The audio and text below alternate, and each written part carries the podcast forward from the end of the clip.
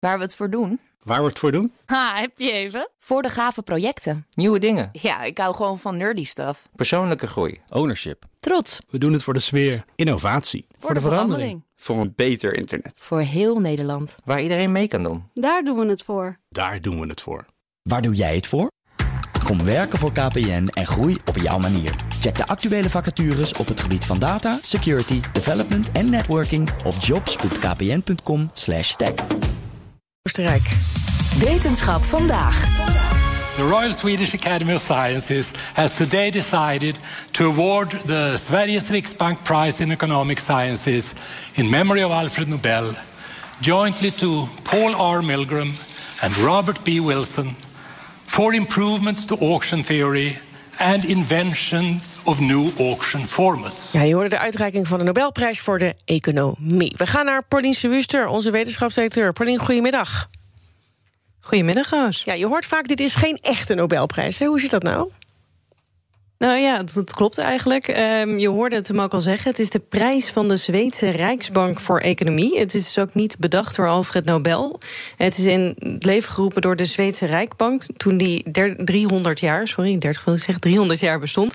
Um, het is overigens wel een prijs ter nagedachtenis aan Alfred Nobel. En als je het niet zou weten, dan merk je het eigenlijk ook niet... want het wordt op dezelfde manier uitgereikt. En het is ook nog steeds een enorme eer. En als je als wetenschapper deze prijs wint... dan heb je ook wel echt iets wezenlijks bijgedragen. Uh, in 1969 werd deze prijs overigens voor het eerst uitgereikt. En die ging onder andere naar een Nederlander, Jan ah. Timbergen, uh, de grondlegger van de econometrie. Dus we waren er al vroeg bij. Um, wat ja. hebben de winnaars nu ontdekt?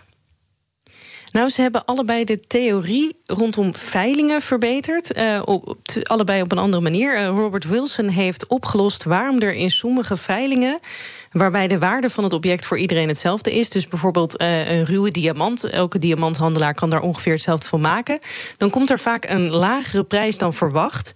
En hij heeft ontdekt dat het komt omdat bieders bang zijn voor de winner's curse. Dus dat je wel het hoogste bod hebt en de veiling biedt, maar dat je eigenlijk te veel hebt betaald en dat de anderen door hadden dat je die diamant minder waard was.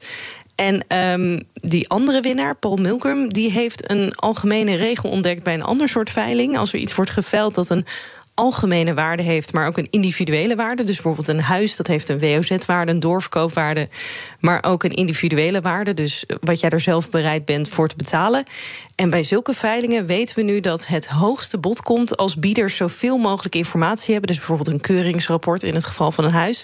Omdat het onzekerheid uh, wegneemt en er dan hogere bieding kopen. Oh, interessant. Dus mocht je een huis gaan verkopen, dan is dat altijd handig. Ja. Geef alle informatie. Ja.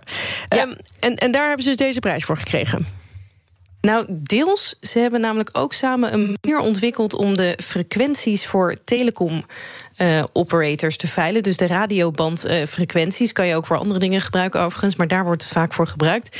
En als je dat uh, wil veilen, zo'n frequentie, dan loop je tegen twee problemen op die ze al eerder signaleerden. Dus die winners curse en onzekerheid.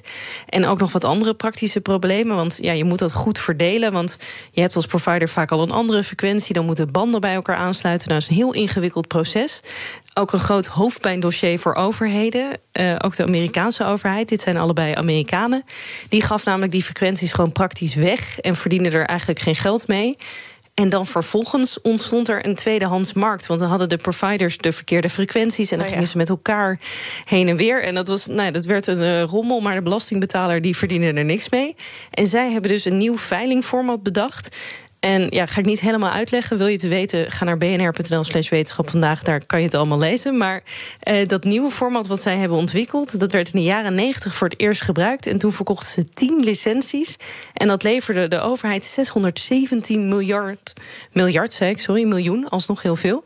Uh, en de frequenties die waren ook nog eens goed verdeeld. Dus eigenlijk win-win voor de belastingbetaler en oh ja. de providers.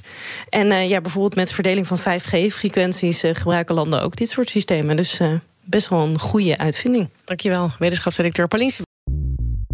Bij BNR ben je altijd als eerste op de hoogte van het laatste nieuws. Luister dagelijks live via internet. Bas van Werven. En heel langzaam komt de zon op rond dit tijdstip. Je krijgt inzicht in de dag die komt op BNR, het Binnenhof in Nederland en de rest van de wereld. De Ochtendspits. Voor de beste start van je werkdag. Blijf scherp en mis niets.